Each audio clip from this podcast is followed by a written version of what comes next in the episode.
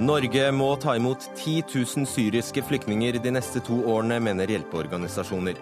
Oppfordrer til nasjonal dugnad for å hjelpe flyktningene.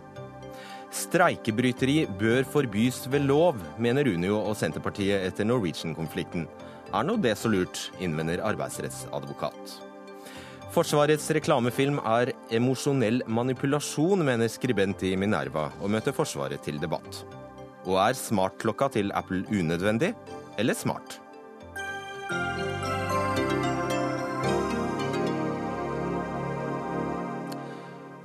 Velkommen til Dagsnytt 18. Jeg heter Fredrik Solvang.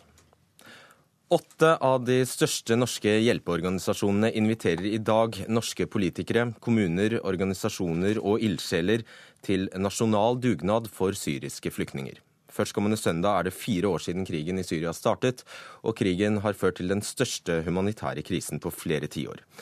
Dette er det du som skriver, generalsekretær i Flyktninghjelpen, Jan Egeland. Først beskriv situasjonen i Syria for oss.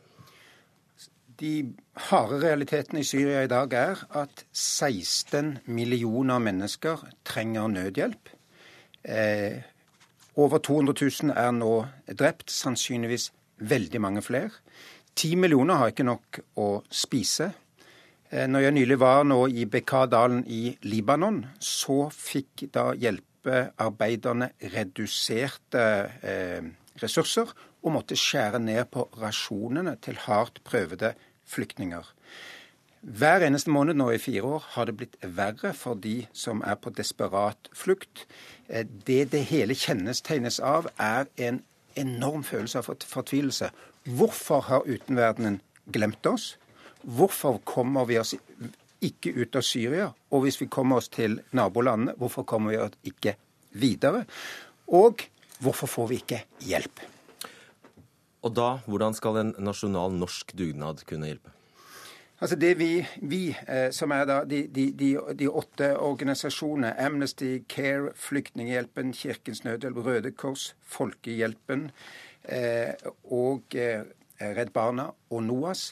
Det vi ber om, er at norske kommunestyrer nå begynner å diskutere dette og sier vi kan ikke være bekjent med at pga. at vi ikke klarer å ta fem flyktninger hver, elleve flyktninger hver kommune, og dermed får de 5000 som står i kø, bort, og i tillegg kan ta eh, syriske eh, flyktninger, så kommer det jo knapt nok noen til Norge. Alt i alt har Norge tatt under 4000 siden 2011, mens eh, eh, Sverige har tatt eh, 56 ja, Nå blander vel du både kvoteflyktninger og asylsøkere? Ja, det er totalt. Det er jo totalt. Altså, det, er jo, det, er jo, det er jo syrere på flukt. De 56 000 har fått opphold i Sverige.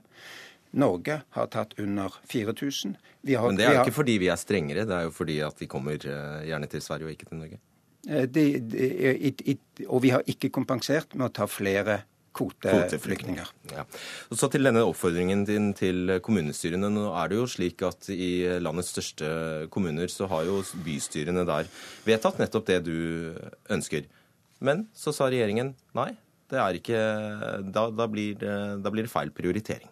Ja, og, og, og det er derfor altså vi, vi håper nå at på en nasjonal dugnad på kommunestyrer regjering og storting sier vi kan ikke sitte mer og se på at det største dramaet i vår tid skjer. Altså, Er du politiker i Norge i dag, så har du ikke opplevd noe større, målt i menneskeliv, som står på spill. Overhodet ikke. Eh, på midten av 1990-tallet hadde vi folkemordene på Balkan. Da var det færre mennesker som var på flukt, alt i alt. Da var det stortingsdebatter om hvordan kan vi hjelpe flere. Og vi tok over 10 000 hit fra Bosnia. Eh, på midlertidig opphold. Eh, politikere ville sende busser ned. Vi, vi, vi ville beskytte. I dag er det øredøvende stillhet overfor en mye større katastrofe. Mazyar Keshvari, innvandringspolitisk talsmann i Fremskrittspartiet. Du tilhører dette øredøvende flertallet, du? Ja, altså, Jeg har etter hvert vanskeligheter med å ta Jan Egeland på alvor. Jeg, fordi at eh, den måten han eh, snakker på og nedlatende holdningen han har til den enorme dugnaden det norske folk allerede har vist ved å være på topp i Europa når det gjelder antall mottak av kvoteflyktninger, det er bare leit og trist. Eh, I fjor så hadde Norge i antall 1000 syriske flyktninger, og det var kun Sverige og noen få land som tok flere imot. Og nok en gang snakker du da om kvoteflyktninger, Keshvar, bare sånn at vi ikke blander begrepene her. Ja, ja, det var kvoteflyktninger. I år så tror jeg jaggu meg vi er på topp. Og så må vi ikke glemme en ting, og det er at vi har allerede mennesker som har søkt om asyl. Over 5000 mennesker som har fått flyktningstatus som ikke blir bosatt. De kommunene som mener at de har kapasitet til å ta imot flere, da må man jo stille seg spørsmålet hvorfor bosetter ikke de menneskene som allerede har fått opphold og er på mottakene. Egeland. Dernest så er ja, Hør, Keshvari. Hvis de andre tar null, og vi tar to, da er vi dobbelt så gode som dem. Poenget er at nesten ingen europeiske land stiller i det hele tatt. Det er bare to som gjør noe, og det er Sverige og Tyskland. Sverige tar 56 000 alt i alt. Eh, eh, Tyskland 59 000. Norge har problemer med å klare å organisere en kvote på 1500. Libanon tok 1500 per dag, år ut og år inn. Så vi, vi må ikke leke her at vi, at vi er veldig gode fordi vi er bedre enn de som tar ingen. I tillegg så er Men vi er et veldig veldig lite land, sier Keshvari. Vent litt, Keshvari. Ja, vi er et veldig lite land, sier Keshvari. Ja, men et, et lite land. Vi er et stort land, og vi er Europas rikeste land. Og dette lille landet som var mye fattigere forholdsvis på 90-tallet. Da hadde vi politikere med en helt annen moralsk ryggrad enn det Keshvari og hans likesinnede hadde og har. De tok imot ti, eh, over 10 000. Og da gjorde vi også en større humanitær innsats i området. For vi hjelper jo heller ikke mye i området. Eh, Keshvari og hans like har også sagt at vi ja, Keshvari, der fikk du den tilbake.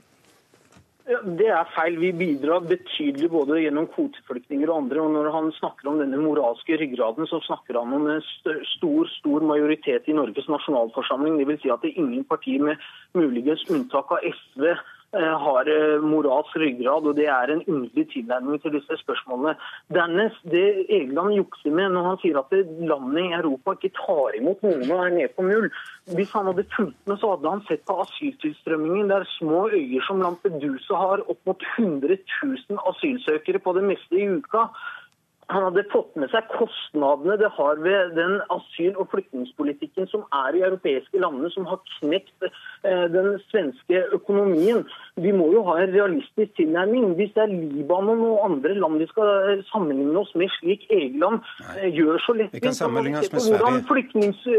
Vi kan se på hva slags flyktningpolitikk vi har. Vi har ikke adgang i Norge til å sperre mennesker inne på store landområder, sette opp en gjerde rundt og sette opp noen telt og minimalt med sanitærmuligheter, uh, ja. og så ta imot hundretusener. Flyktninger i Norge har nøyaktig de samme rettigheter som alle andre borgere. Og det vet vi, Keshvari. Vi skal la en uh, tredjemann komme inn her. Det er deg, Mani Hussaini. Du er leder i AUF. Og i bunn og grunn er du altså enig med Jan Egeland i at Norge bør ta imot flere syriske flyktninger. Hvorfor det? Ja, og det mener jeg. Og jeg håper, eh, jeg håper, ikke politikere fra Libanon og Jordan og Tyrkia hører på denne, denne typen debatten, den type debatter om at vi ikke har kapasitet, at vi ikke har plass, at vi ikke har økonomi til å ta imot flere, fordi det har vi definitivt. Det er, som Jan Egeland og mange andre sier, dette er, dette er eh, vår tids eh, store humanitære krise. Og jeg mener det er ikke lov å slå seg på brystet og være fornøyd med den innsatsen vi har gjort til nå. Og dette har du moderpartiet ditt med på? Jeg skal få mitt moderparti med på det. fordi jeg mener at eh, eh, vår generasjon kommer til å bli dømt på hva vi gjør i dette spørsmålet her. Og det er, ikke, det er ikke noe som vi kan behandle i neste års statsbudsjett eller året der igjen. Dette er noe som haster. Og jeg tror veldig på når de åtte største humanitære organisasjonene i Norge sier at vi må, til, vi må få til en dugnad, eh, at vi har gjort det før. Og vi, eh, altså det norske folket, vi er gode til å skape store ting når vi gjør dugnad. Og jeg tror veldig på at vi kan også gjøre det når det gjelder syriske flyktninger. Men Hussaini, da er det jo rart, som Keshvari påpeker, at et massivt flertall på Stortinget ikke er enig med deg? Det, for det første så mener jeg at, at, at man kan ikke se på det som har vært, man må se fremover. Hvordan forklarer du dette massive flertallet? Altså, jeg mener at det er ikke nok. Det, er, det, det som har blitt gjort, er ikke nok. Altså, Det er en start. Men... Ser de ikke det du ser, da? eller? Eh, jeg mener at, eh, at, eh, de bør lytte til, til, Jan Egeland og de åtte store humanitære organisasjonene og se på bilder fra Syria. fordi det, er, det vi ser, i Libanon, et, et, land på størrelse med, med, med, med Rogaland fylke, som har 1,2 millioner flyktninger. Og så sier vi til libaneserne dere må gjøre mer, dere må, dere må ta imot flere. Jeg mener det holder ikke Egeland, å ha den type ser de ikke, argumenter. Ser ikke flertallet det du ser? Eh, nei, det, det, gjør det jo åpenbart ikke det vi alle som er hjelpeorganisasjoner nå ser. Og det er at det, det er den største utfordringen de har i dag.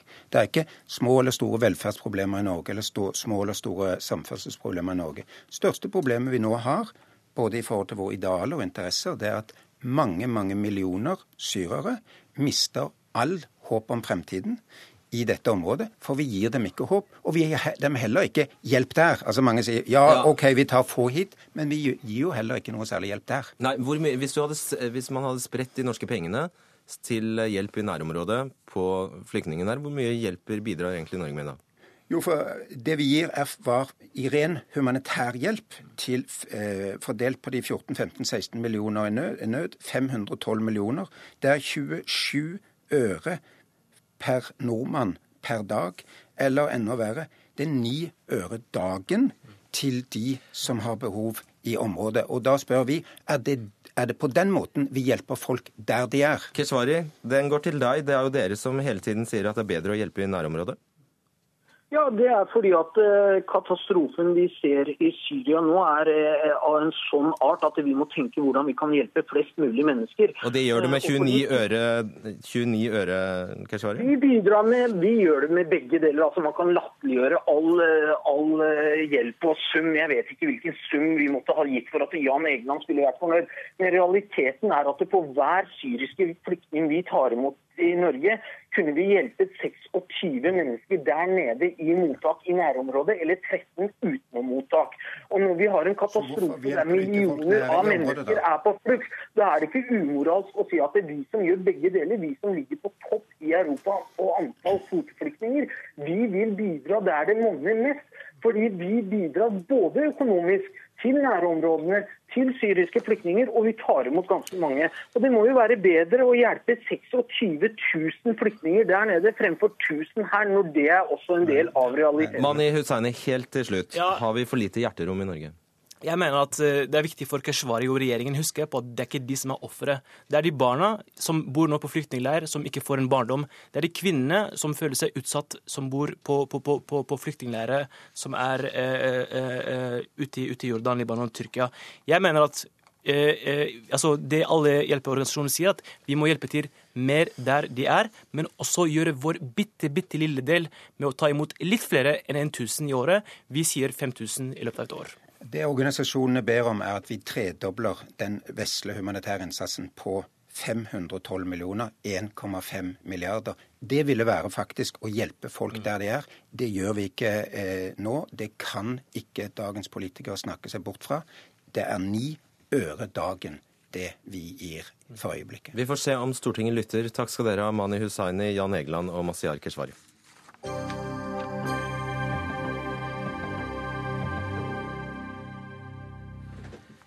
I går sendte NRK Brennpunkt dokumentaren om tobarnsmoren Siri Geth Sollis kamp for å slutte med metadon. Legemiddelassistert rehabilitering, LAR, ble et landsdekkende tilbud i 1998. I 2013 var det 7055 brukere. Og Vi skal høre et eh, lite kutt fra dokumentaren. Jeg skriver alltid om natta fordi nedtrappingen min på metadon gjør meg søvnløs. I snart tre år har jeg trappet ned fra 140 milligram og snart er jeg nede på 50. De første milligrammene var letta, men jo lenger ned jeg kommer, jo verre blir abstinensene.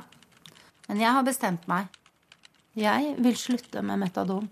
Jeg vil kunne kjenne på alle følelsene mine igjen. Jeg vil ut av LAR-systemet. Jeg skal bevise at det går. Kari Kjønaas Kjos, eh, helsepolitisk statskvinne for eh, Fremskrittspartiet og leder av helse- og omsorgskomiteen. Noe av det vi fikk beskrevet i går, var at det er vanskelig å komme seg ut av LAR. Hvordan kan det være sånn? Nei, altså vi har dessverre ikke laget noe system for uh, de som ønsker seg ut av LAR. Og det gjelder de som ønsker seg ut av LAR fordi de ønsker seg rusfrihet, rusfriheten istedenfor. det har vært gitt som en medisin med tanke på at det skulle vare livet ut. og der Jeg har fått veldig mange henvendelser opp gjennom årene av folk som sier at de får ikke noe støtte til det. Det blir ikke lenger sett på som akutt helsehjelp eller en helsehjelp man har rett på, fordi at metadonen i seg selv blir sett på som den helsehjelpen de hadde rett på. Hva var det som grep deg mest i går? Nei, altså Jeg syns at hele eh, dokumentaren var en god dokumentar fordi at uh, det er veldig mange myter der ute. Det er mange som mener at LAR-systemet har, har, spilt fallitt. og at det ikke fungerer, og det har vært mye negativt. Og jeg tenker at det, er veldig bra at vi ser at det faktisk redder liv. Det gir mange et godt liv. Eh, og så vet jeg at vi har mange som ikke får den hjelpen de skal ha. Men det er det vi må ha fokus på nå. Det er å gi alle den samme muligheten som Siri fikk til å leve godt med metadon. Men også muligheten til å gå enda et skritt videre når de ønsker seg det.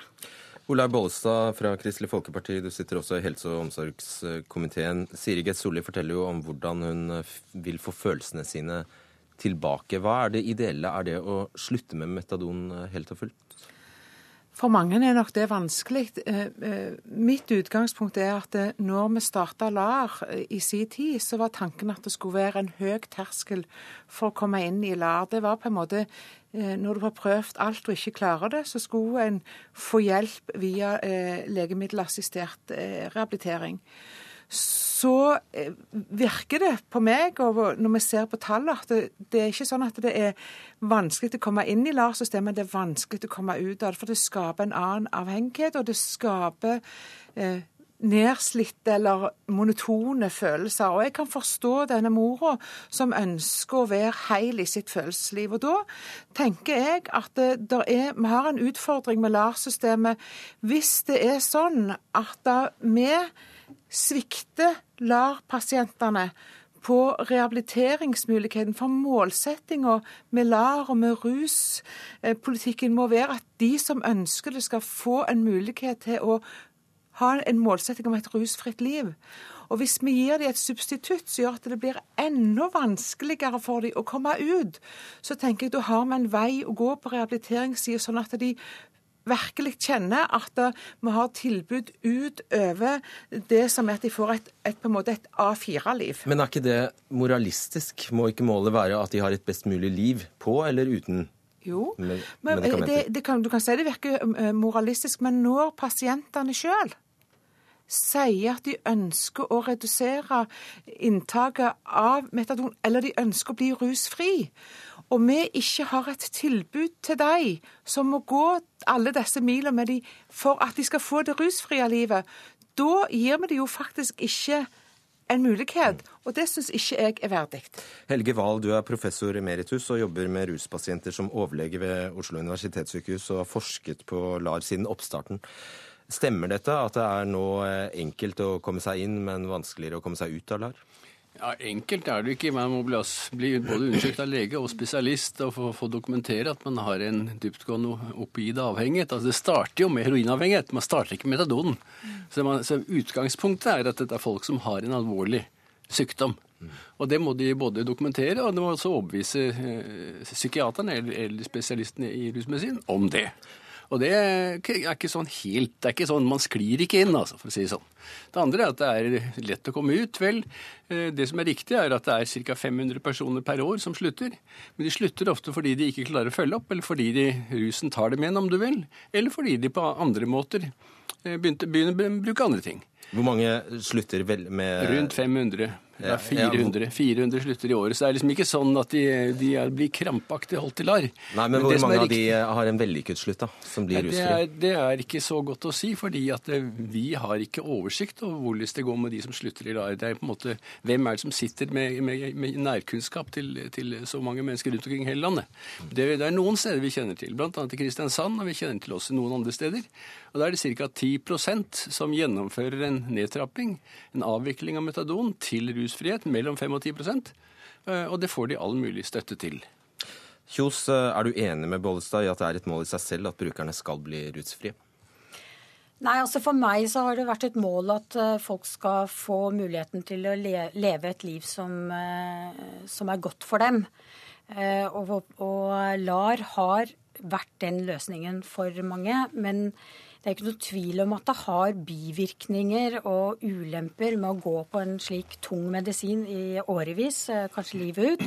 Og Det er derfor jeg mener at det er svært viktig at eh, de som selv sier at jeg nå er i en sånn situasjon, jeg har stabilisert meg, jeg bor godt, har familie, jeg har til og med jobb, nå trenger jeg å få hjelp til å trappe ned.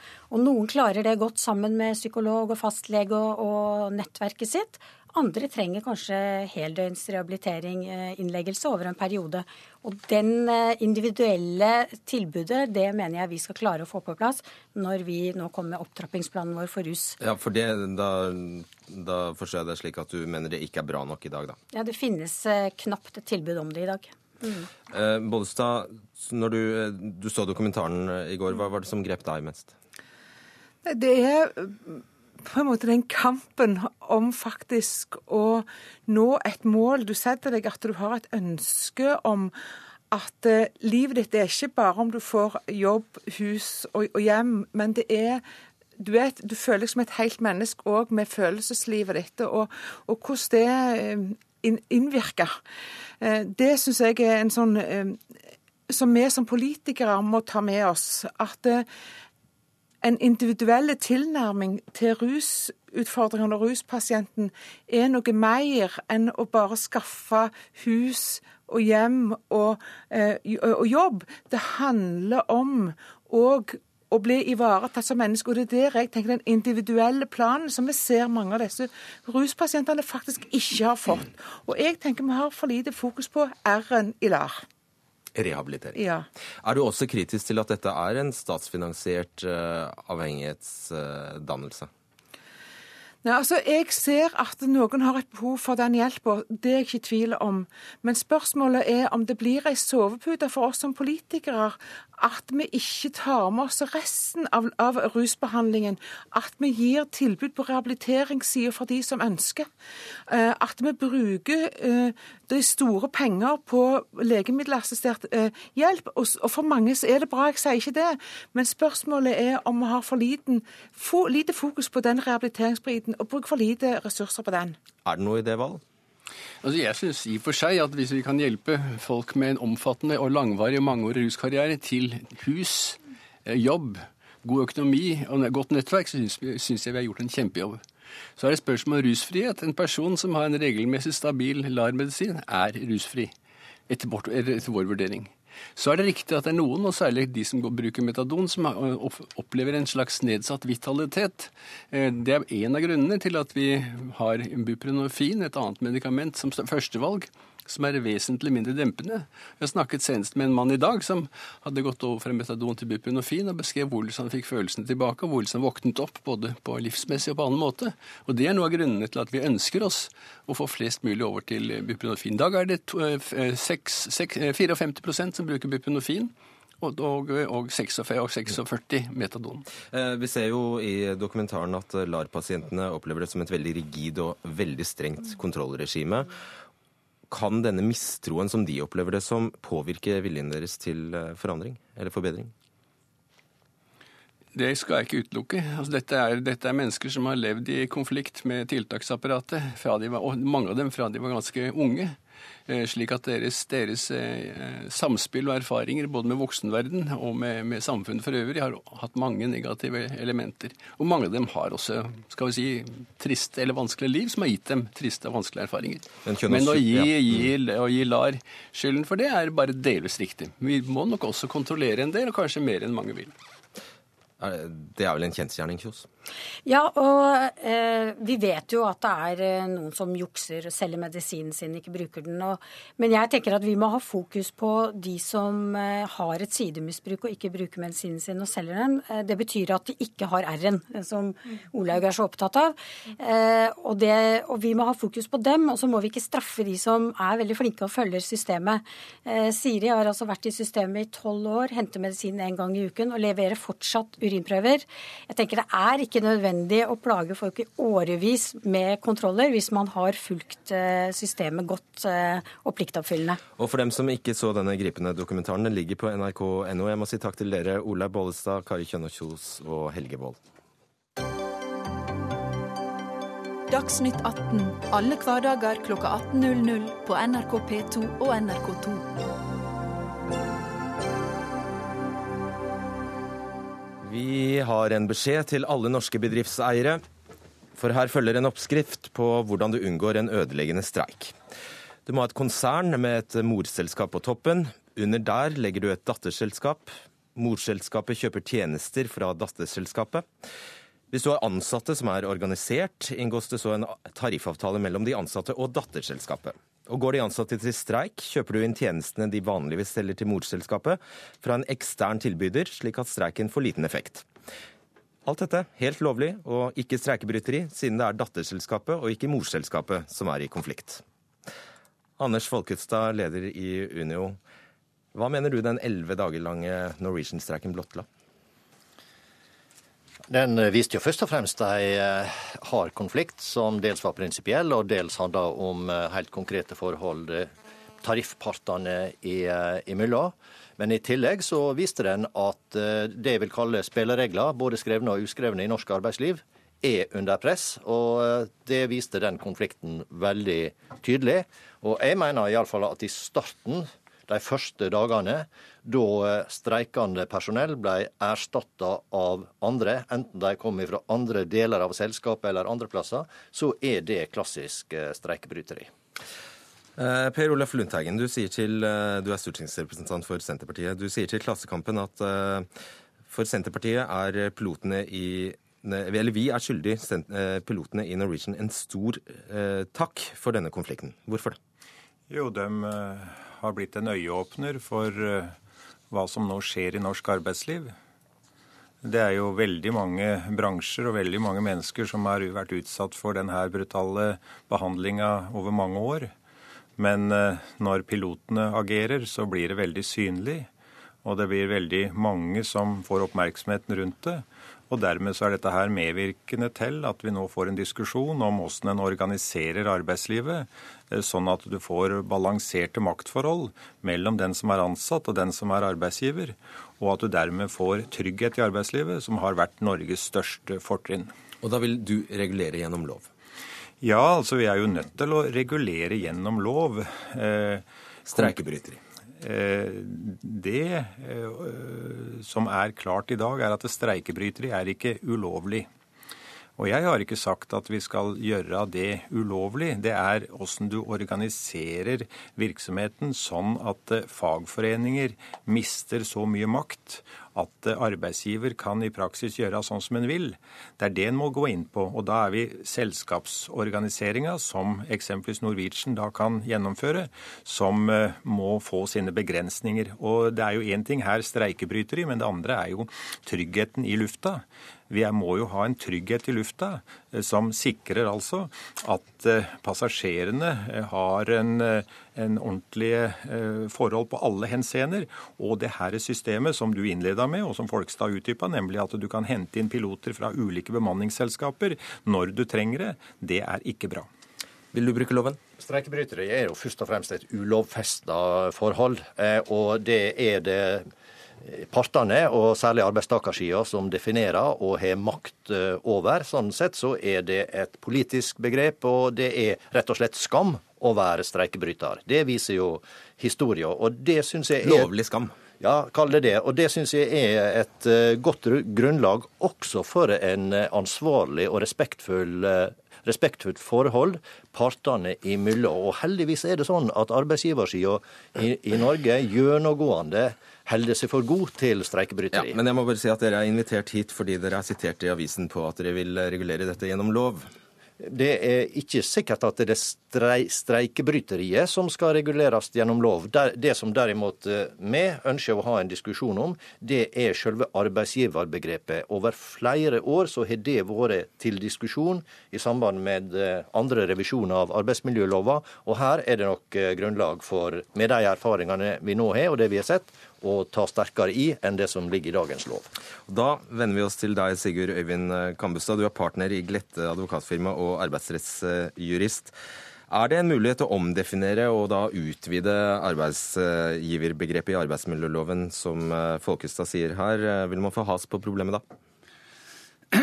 Det er iallfall usikkert. Det har vært foreslått tidligere, eh, bl.a. i 1996 i konsernlovutvalget Eh, hvor det var eh, i NOU-en foreslått å, å legge arbeidsgiveransvaret eh, i konsernet. Slik at hvis et, en selskap, morselskap hadde bestemmende innflytelse over et datterselskap, så, så var også mor arbeidsgiver. Det ble jo lagt i en skuff og aldri behandlet i Stortinget. Men loven sånn som den er nå, den åpner jo for det. For det er ikke et eh, sånn formelt arbeidsgiverbegrep i loven. Det som er, er, eh, lovens utgangspunkt, er at den som reelt utøver arbeidsgiverfunksjoner, er arbeidsgiver. Så man kommer ikke unna det eh, arbeidsgiveransvaret ved formelt å legge kontraktene i et datterselskap, f.eks. Og det, det, er jo det Norwegian nå, eller Parat nå prøver eh, rettslig. De har jo varslet rettssak mot uh, Norwegian for å få slått fast at de som er ansatt i datterselskapet, også har et eh, ansettelsesforhold hos mor. Også, ja, folk skal få ordet, men folk, Han sier jo at ja, det er skam, men hvis vi skal tolke deg, Folkestad, så mener du altså at det er noen som ikke helt biter på skam lenger, så det holder ikke? Det tror jeg kanskje er litt uh, for enkelt. For det å være uh, streikebryter, det er beheftet med skam i, i de store grupper av folket. Uh, og det er jo nedfelt i hovedavtalene mellom partene i arbeidslivet at de som er streikebrytere, de kan de andre arbeidstakerne nekte å jobbe sammen med. Så i verste tilfelle så kan arbeidsgiver forplikt, bli forpliktet til å si opp de som har vært streikebrytere. Eh, men det å lovfeste det, det er jeg grunnen glad for at eh, mine eh, meddebattanter, hvis vi kan kalle dem det, ikke viderefører nå som forslag. fordi det er jo noe som fagbevegelsen og arbeidsgiverbevegelsen, hvis vi kan kalle det det, er alltid har vært mot. Altså Dette skal være et, et, politisk, moralsk begrep. Og det å tro at man kan rettsliggjøre alt, det, er, det vil jeg si er litt farlig. Ja, og det holder vi eh, fast med. Eh, slik skal streikebryteri eh, være. Men da er det viktig at det blir praktisert, at det blir forstått, og at det er gjensidig respekt partene imellom. Kampestad Kambestad nevner konsernlovutvalget eh, fra 90-tallet. Det er rett. Temaet var også oppe i arbeidslivslovsutvalget i 2000, som ble levert i 2004. Og det har vært gjort framstøt fra, fra arbeidstakersida på å få en diskusjon om og en klargjøring av arbeidsgiverbegrepet i loven. For det er i alle fall ganske krevende framover og globaliseringa vil forsterke det, at en, eh, de reelle, viktige beslutningene for ei bedrift, for et selskap, det ligger på et annet nivå enn det som der den praktiske eh, forholdet mellom arbeidstaker og arbeidsgiver daglig blir Og det er da du sier at da utvannes i praksis streikevåpenet? Ja, det, det, kan det gjøre. Eh, men, men, hvis vi holder fast på at det er et tillitsbasert eh, begrep, så håper jeg at det vi har sett nå, er et unntak, men er ikke trygg. Lundteigen, du kan vel ikke i fullt alvor mene at streikeretten er svekket når vi nettopp er ferdig med en elleve dager lang eh, nasjonal streik som lammet hele flytrafikken? Jo, altså Streikeretten blir svekka hver dag den, med den nye organiseringa av arbeidslivet. Altså De fleste tror jo det at et flyselskap de har i hvert fall fly og piloter i, i, i sitt selskap. Det har de jo ikke lenger. Pilotene er jo i et bemanningsselskap utafor flyselskapet. Og det bemanningsselskapet har bare én oppgave, nemlig også ta inn flyvere og leie dem videre til da det selskapet som har, har flya. Og det her utvikler seg jo på område etter område, så vi er jo i ferd med å få et helt nytt arbeidsliv. Hvor at de ansatte får stadig mindre innflytelse, og de blir kjørt mot hverandre ved at du har flere bemanningsselskaper som leverer inn da personer til da virksomheten. Og når vi har fri bevegelse av arbeidskraft over grensene, og mange som står og venter på arbeid, så virker dette her til at en arbeider for stadig lavere inntekter. Noe som gjør at du ødelegger det norske arbeidslivet. Det er vel ikke alle i samfunnet som ville gråte seg i seng av det? Men... Nei, det er jo nettopp det som er problemet, og det har jeg lyst til å si om det om skam. Altså, det, det er jo stadig mindre og mindre skam i samfunnet. Fordi at eh, Hvis den bare får det billig nok, så er det helt greit. Du vil ha mer skam i samfunnet? Ja, det vil jeg gjerne ha. For jeg, det er viktig å ha en del moralbegreper ganske klart for seg. Du skal ikke utnytte folk på en sånn måte at de ikke kan ha en inntekt som kan leve av for i Norge. Mm. Men den, den utviklinga som Lundteigen eh, beskriver, den har vi sett eh, ganske bredt. Vi har ikke minst sett den i sjøfarten over tid, og ellers i, i transportnæringa. Ja. Og jeg tror at hovedspørsmålet, og det er også et spørsmål for både partene på begge sider og politikerne. Altså hvordan skal vi sikre norske vilkår i Norge og i norske selskap. Det er jo det vi snakker om. Og, og det må vi greie på en bedre måte og en tryggere måte enn det utviklinga nå viser. Kambestad, til slutt, Stemmer det at andre selskaper i helt andre bransjer enn luftfarten også kan organisere seg vekk fra eh, trusselen om streik nå? Ikke fra trussel om streik. Det er jo spørsmål om eh, organisasjonsgrad og, og Bare de gjør som Norwegian, da. Og kampvilje. Men det, eh, ja, det, de har jo ikke organisert seg bort fra trussel om streik. De har jo nettopp gjennomført en streik, som du sa. Så det er jo ikke riktig. Men det som er riktig, er jo at dette er en spesiell bransje hvor, hvor, eh, hvor konkurranse fra utlandet er spesiell. fordi at her kan man jo tenke seg at man bare oppretter et selskap i Thailand eller Estland og med lønninger derfra, hvor ansetter pilotene der, og så skal de jobbe i Norge. Så det er litt annerledes enn, enn det som som er problemet generelt i arbeidslivet, vil jeg si. Men det går jo an å organisere seg på den måten at man, at man på en måte fratar eh, arbeidstakere posisjoner eh, og rettigheter. Eh, og de må da ivareta ved å organisere seg og, og, og bruke arbeidskamp hvis det er nødvendig for å få tariffavtaler. Ja, vi holde fast på et anstendig arbeidsliv bredt. Og dette handler for fagforeninger også om, om, et samarbeid på tvers av grenser. Den internasjonale fagrørsla f.eks. Og jeg kommer rett fra et møte i Brussel der vi har vedtatt en uttale retta mot Ryanair, retta mot Norwegian, og der en, der en retter også eh, klar henvendelse til styresmakter om å regulere bedre og mer. Du, du kan organisere deg bort fra streik når de menneskene du trenger, har en så svak tilknytning at de ikke tør å streike. Det er det som skjer i stadig flere bransjer. Og det var derfor dere var invitert hit, Anders Folkestad, Per Olaf Lundteigen og Sigurd Øyvind Kampestad.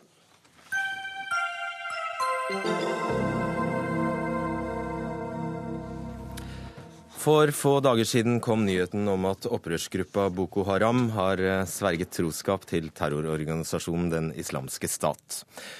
Boko Haram er den eh, største av en rekke terror- og opprørsgrupper som på religiøst og åndelig basis har sluttet seg til IS. Og Afrikakorrespondent Kristine Presttun, hvordan har denne nyheten blitt mottatt i Nigeria? Det kommer reaksjoner på at dette er veldig dårlig nytt for eh, Nigeria, og reaksjoner som kan tyde på det motsatte. At eh, denne kunngjøringen faktisk er et svakhetstegn, et rop om hjelp fra en presset gruppe. Men det folk og analytikere lurer på, er hva denne alliansen faktisk innebærer. Altså Boko Haram har jo vært en gruppe som har fokusert nettopp på Nigeria, området rundt Tsjadsjøen. Men nå er det frykt da, for at denne påståtte alliansen med IS skal gjøre Boko Haram sterkere og enda mer farlig for eh, regionen. Og så diskuteres det om denne kunngjøringen betyr at IS faktisk skal ha kommandoen over Boko Haram. Hvem skal være sjefen her? Eh, og det er flere som er skeptiske til om Boko Harams leder Abubakar Shekau er typen til å ta imot kommandoer fra noen som helst. Og så må jeg si at dette er jo uansett en slags PR-seier for eh, Boko Haram. Mediene har fanget opp budskapet, og de militante krigerne i Nigeria kan nå på et vis sole seg i glansen til IS, på samme måte som jihadister gjør det i Egypt, Algerie, Libya og Afghanistan. For det er nok, for det er bisarr nok eh, stas å bli medlem i IS? Ja, det er nok eh, det på et vis. Eh, fordi det vi jo ser, er at Al Qaida på en måte er på et slags tilbaketog. altså Kanskje eldre ledere har ikke det samme grepet, i hvert fall ikke over Afrika, som de har hatt. Både Al Shabaab i Somalia og jihadister i Mali har jo hatt, og kanskje har kontakter til Al Qaida. Mens suksess på den fronten der er det jo da IS som har. Redaktør i verdensmagasinet X, Maren Sæbø. Vi hører jo her det er jo nesten flere spørsmål enn svar, men hva kan dette få si i praksis? Eh, antageligvis veldig lite. Det, det er litt som som Kristine uh, sier, det er nok veldig mye propaganda. Det er symboleffekt. Uh, det kan være et svakhetstegn. altså De blir utsatt for en, en, veldig offensiv nå fra, fra både kamerunske, tsjadiske og, og nigerianske styrker, og er på tilbakegang for første gang siden august. Eh, vi vet veldig lite om internasjonale kontakter som Boko Haram har. Det er veldig lite tegn på at de har hatt det. Vi vet at de har hatt litt kontakt med, med grupper i Mali. Eh, og da selvfølgelig i Niger og Kamerun og Tsjad, som er innenfor deres område. Eh, men noen direkte effekt utover ren symboleffekt har nok ikke dette. Men hva har de til felles, da? De har til felles at de er svært brutale. Eh, de kopierer metoder. Man, ser, eh, man, begynner å se den type video som vi har sett fra Syria og Irak, dukke opp også eh, fra Nigeria. Med, med spesielt da hvor de avretter spioner, tystere. Eller de de anklager for å være det. I tillegg så, så kaller jo også Boko Haram seg salafister. Uh, I den uh, hilsenen som, som Shekau på en måte har sendt ut til ISIL, så, så snakker han om uh, Ibn Tamiya, en, en, en lærd fra 1200-tallet som, som, som, er veldig pop i salafi-kretser. Men, men, utover det så har de ikke så veldig mye til felles. Kristine Presthun, hva vet vi om hvordan de kommer i kontakt, og hvordan dette opptaket i IS foregår? Um, altså dette her at, at, Boko Haram nå er inne på Twitter, det er jo noe helt uh, nytt. Kom, de kom opprettet en konto i, uh, i, januar, og det var der denne beskjeden ble lest uh, inn. Og det er interessant for at Boko Haram ikke har vært opptatt av sosiale medier tidligere. De har jo bare publisert ganske enkle videoer på YouTube. Men i det siste så har det vært mer proffe produksjoner, som Maren nevner, som er publisert på denne Twitter-kontoen. Og den siste var nettopp denne halv halshuggingen av denne påståtte spionen, som, noe, som vi kjenner fra IS. Og det er jo interessant at nettopp når man skulle tro at Boko Haram har mer enn nok med å gjøre med å krige på bakken, så begynner altså de militante islamistene å interessere seg for sosiale medier. Og derfor spekuleres det på om IS har vært inne og skjerpet medieprofilen til eh, Boko Haram. Og eh, det er, eh, som Maren sier, uklart om det er eh, reelle forbindelser her, men det har blitt påpekt at eh, Shekau allerede i august på en måte fridde til IS ved å gjøre som IS ledelse hadde gjort to måneder før, og opprette et eh, eget eh, kalifat. Og Det finnes også da de analytikerne som mistenker at dette her er en måte eh, å prøve å få andre eh, jihadister til å komme og engasjere seg i deres kamp, noe som i så fall vil bety eh, en stor endring for den kampen som føres i, eh, i Nigeria. Sæbø, tror du den strategien vil lykkes, å lokke til seg islamister fra andre deler av verden til Nigeria? Heller dårlig. Altså det, på samme måte som vi vet veldig lite om, om internasjonale kontakter, så har det heller ikke blitt uh, stoppet noen, eller man har ikke sett noe tegn til tilreisende. Uh, det er en veldig kan man si, het og, og lite uh, vennlig region, dette her. Og, og, for folk som ikke er fra regionen selv, så, så tror jeg ikke det er noe særlig å, å bo der eller prøve å kjempe der, for å si det sånn. Jeg, jeg tror de ville holdt veldig kort. Uh, men, men, man har heller ikke sett tegn i den nigerianske diasporaen, i England f.eks., hvor det er svært mange, uh, at folk har reist ned for å, å knytte seg til Boko Haram. Mm. Uh, Prestun, valget i Nigeria ble utsatt fordi hæren skulle ta knekken på Boko Haram først. og Valget er altså om to og en halv uke, så det er vel alt, alt greit? Ja, tenk om det hadde vært så vel. Det er jo regimets retorikk som har formulert dette sånn, men ingen som har trodd at det er mulig å slå Boko Haram på seks uker, når militæret ikke har klart det på nærmere seks år. Eh, likevel så er det jo eh, ingen tvil om at militæret er i gang med en lenge etterlektet offensiv, eh, og at Boko Haram er presset av denne regionale styrken.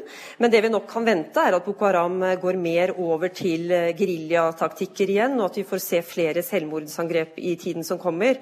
Og det er en erfaren sikkerhetsanalyse analytiker som mener at vi kan vente oss en bombekampanje fra Boko Haram rundt eh, valget, også utenfor de tradisjonelle områdene i eh, nordøst. Sabu. Nei, altså det, det, er nok helt riktig, og, og, den bombekampanjen er jo dels allerede i gang. Eh, man har sett en, eh, en, svak økning. Det har jo vært en økning hele tiden. Eh, men, men, nå også svært mange, eh, både som er blitt stoppet og som har klart å gjennomføre angrepene sine. Både unge gutter og unge jenter som har utført disse bombene de siste dagene. Nettopp. Takk skal dere ha, Maren Sæbø og Kristine Presttun. Hør Dagsnytt 18 når du vil. Radio NRK Radio.nrk.no.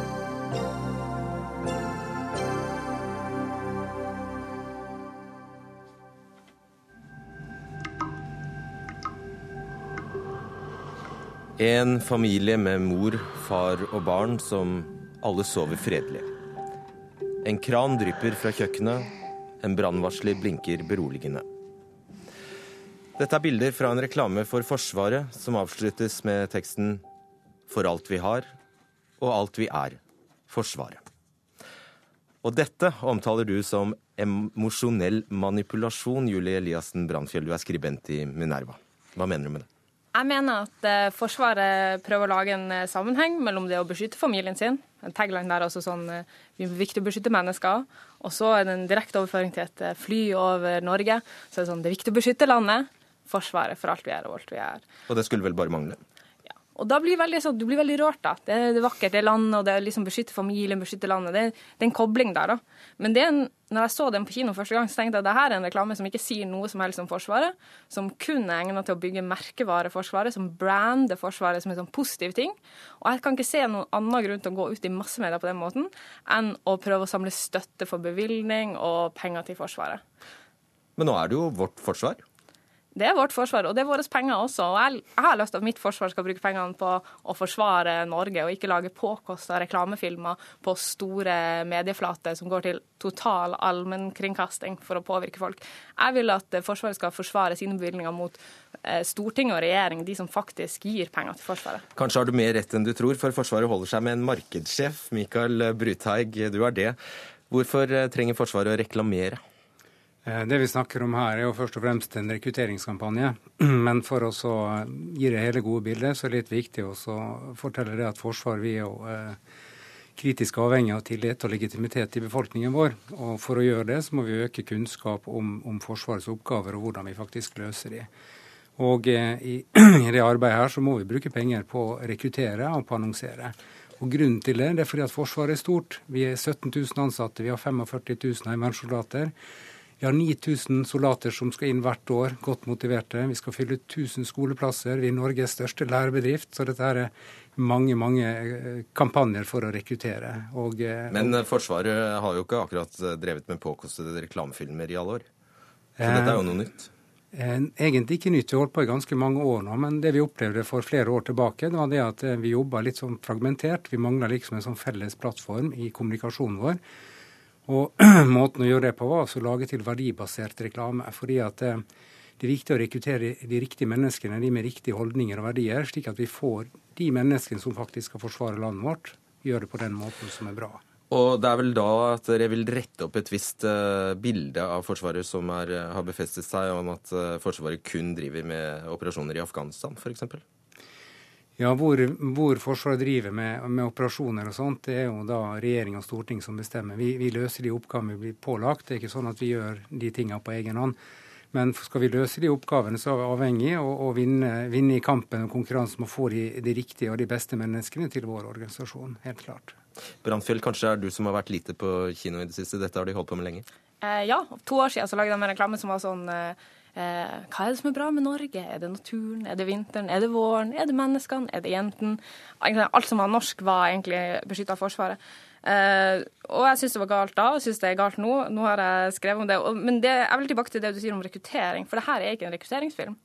En rekrutteringsfilm ville kanskje hatt en tagline som var noe i linja av store karrieremuligheter i Forsvaret. Søk jobb i Forsvaret i dag. Men denne reklamen har ikke det. Og den har heller ikke nok kunnskap om hva du vil gjøre. De fleste når de leter etter en jobb, er interessert i hvilke arbeidsoppgaver er det, hvilke muligheter får jeg. Men det heller ikke, viser ikke det. Eh, det viser mer den emosjonelle følelsen som knytter landet til deg. Og det her Eh, Forsvaret lager masse bra rekrutteringsfilmer som eksakt på det. Viser hva folk skal gjøre, retta mot ungdom typisk. Viser hvor mange interessante muligheter det er i Forsvaret. Dette er ikke en sånn film. Og faktisk, hvis du går på, på YouTube-kanalen til Forsvaret og ser linken de har lagt under, så er ikke det til forsvaret.no slash karriere, en side som faktisk finnes, men til forsvaret.no slash oppdrag. Så det handler mer om å, å ta vekk denne likegyldigheten som de føler på i den norske befolkninga. Og hvis ikke det er merkevarebygning, og det handler om å, å gå ut i bredde for å få støtte i befolkninga, så ja, Brutag, det er meget lite fakta i denne, i denne filmen. Da. Den spiller jo utelukkende på følelser.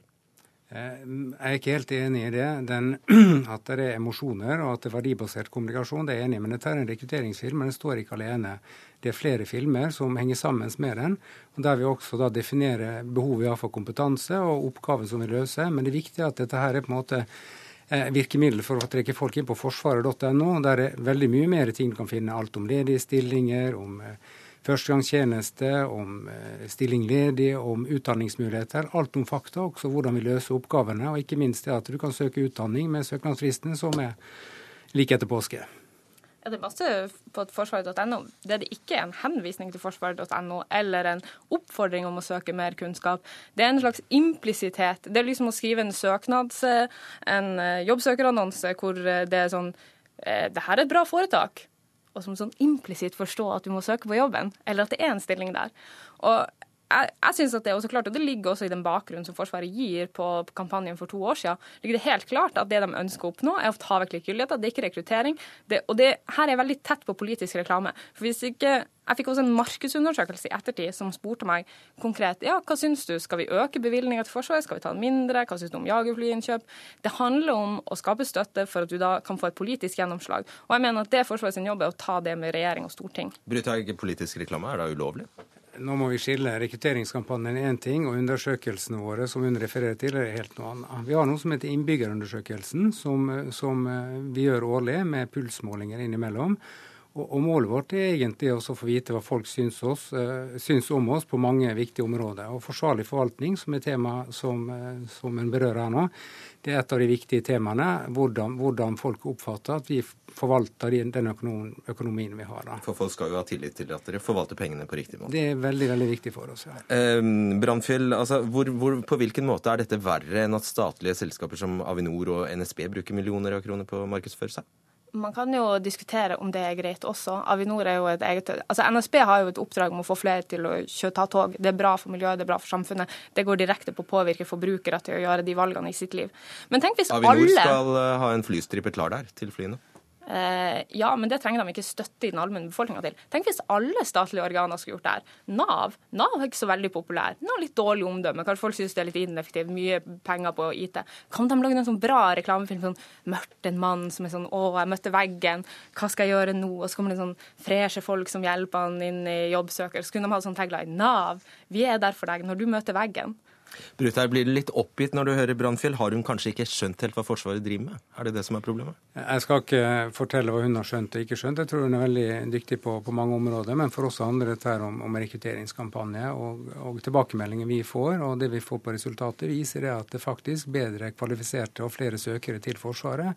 Både på utdanning, vi får tilbakemelding på de stillingene vi lyser ut. Vi har 5000 sivile stillinger også. Så reklamen har fungert? Ja, det, det virker jo får tilbakemelding om det. Og det er både kvalitativt, at folk sier at dette her er bra, eh, og det, og det gjør at vi får løst de oppgavene vi, vi, skal gjøre på den siden også. Og det er da fint? Men hvis det er en rekrutteringskampanje, hvorfor ikke, oppsøke, hvorfor ikke oppfordre folk til å søke jobb? Hvorfor ikke henvise til hvordan de kan lese om karrieremulighetene? Hvorfor ikke vise om hva de skal gjøre i Forsvaret? For det er ikke egentlig en rekrutteringsfilm. Det er det som er problemet. Enten er det verdens dårligste rekrutteringsfilm, eller så er det noe helt annet. Ja, det, det, det, det, er en større kampanje. Det er mange elementer. Film på, på TV er en av faktorene. Forsvaret.no er en annen stor faktor. Der har vi veldig mange andre filmer som er veldig konkret, direkte på oppgavene, på utdanning, på tilbudene, på hva tjenesten går i Forsvaret. Som sagt 17 000 ansatte, 45 000 heimevernssoldater, 9000 soldater hvert år, 1000 skoleplasser, Norges største lærebedrift. Det, det, er et stort og omfattende. Jeg kjenner ikke andre organisasjoner i Norge som skal dekke det behovet hvert eneste år. Attpåtil fikk du litt reklame i Dagsnytt 18 også. Tusen takk, Julie Eliassen Brandfjell og Mikael Bruthaug.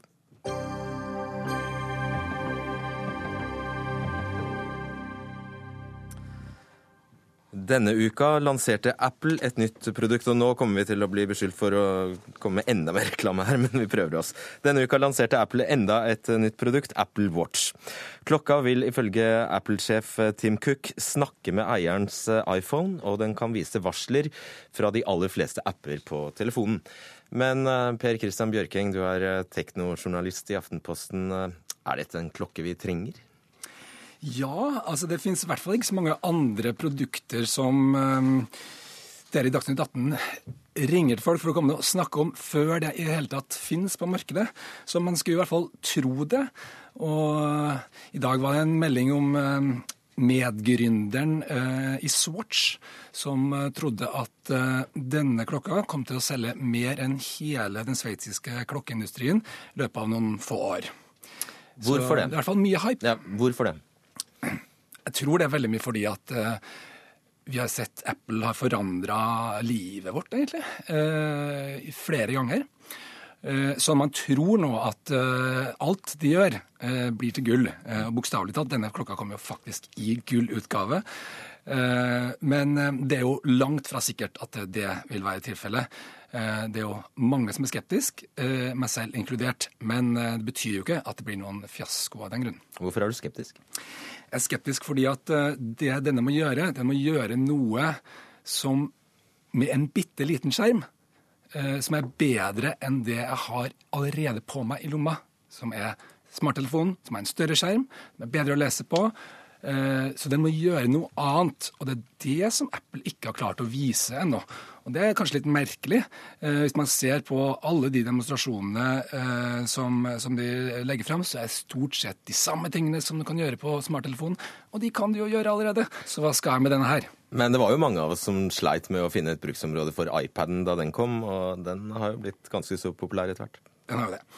Og det er nok sånn at uh, i øyeblikket så er det tusenvis av utviklere som sitter og lager apper til denne klokka. Og det, det, er veldig dumt å nå, før man har fått sett dem, se på eh, det som en, som en, umulighet, da, at den skal bli like populær. Så, så det kan bli, men den, det skal ikke så mye til, vet du. Eh, 30 millioner klokker, da, som er det samme som sveitserne selger, det er eh, bare 10% av det eh, Apple selger av iPhoner hvert år. Så hvis de, bare 10 av eierne finner ut at eh, dette her er en klokke for dem, så klart har de slått ut sveitserne. Og så er det noe rart her, fordi denne klokka har vel strengt tatt hatt to lanseringer? Ja, eh, det skyldes nok først og fremst at eh, de eh, vurderer dette her som eh, en slags eh, ja, hva skal jeg kalle det, et æraskifte, eh, som de har med noen års mellomrom. Eh, på størrelse med iPad for eksempel, og iPhone. Og, og, Da er det naturlig at de først må liksom få folk til å begynne å utvikle ting, og sånn, og så er det på tide å lansere. og Det var det vi så. Det var derfor det ikke var så veldig mye nytt å fortelle akkurat uh, denne gangen her. da. Mm. Og Så sier du at situasjonen kanskje hadde vært annerledes eh, dersom Steve Jobs fortsatt hadde styrt selskapet. Hva mener du med det?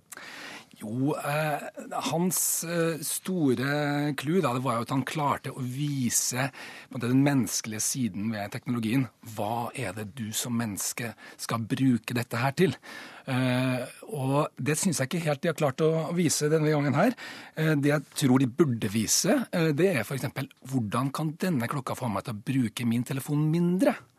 Det er jo egentlig det folk er ute etter i dag. De er jo ikke ute etter å bruke telefonen sin mer. De vil jo gjerne bruke den litt mindre, kanskje være litt mer til stede i hverdagen sin. Og i den grad dette her er noe som kan hjelpe meg å kanskje styre min, min oppmerksomhet, kanskje være litt mindre uhøflig, kanskje, eh, i sosiale sammenhenger, kanskje få diskré varsler om ting, ja, så, så kan det hende at jeg kunne tenke meg den. Eksempel så kan man få uh, en uh, vibra vibrasjon i håndleddet i stedet for at det ringer høyt, f.eks. på kino eller hva det skulle Men være. uh, kan det være Apples plan overfor de som ennå ikke har en iPhone, og at de går via smartklokka? Altså at man, de som Først kjøper man seg en smartklokke, og så en telefon? Det kan ikke være, fordi den virker ikke uten en iPhone. Nei, så, det så de det spørsmålet. Ja, men det er, er helt klart at dette her er en måte for iPhone, for, for, Apple å knytte folk inn i sitt økosystem. Det er litt sånn, Har du Apple, så har du fordeler da, av å knytte enda en sånn ting an. Det kan være mange sånne små ting, da, som f.eks. det at du kan bruke den som kanskje et display i bilen. Eksempel. det ville være lovlig å se på denne her i bilen, f.eks. Eh, mens det ikke er så nøye med eh, å ta på telefonen. Det var man helt sikker. Da må jeg si takk til deg, Per Kristian Bjørking. Og Ida Tune Øresland var ansvarlig for denne sendingen. Teknisk ansvarlig Hilde Tosterud. Og jeg heter Fredrik Solvang.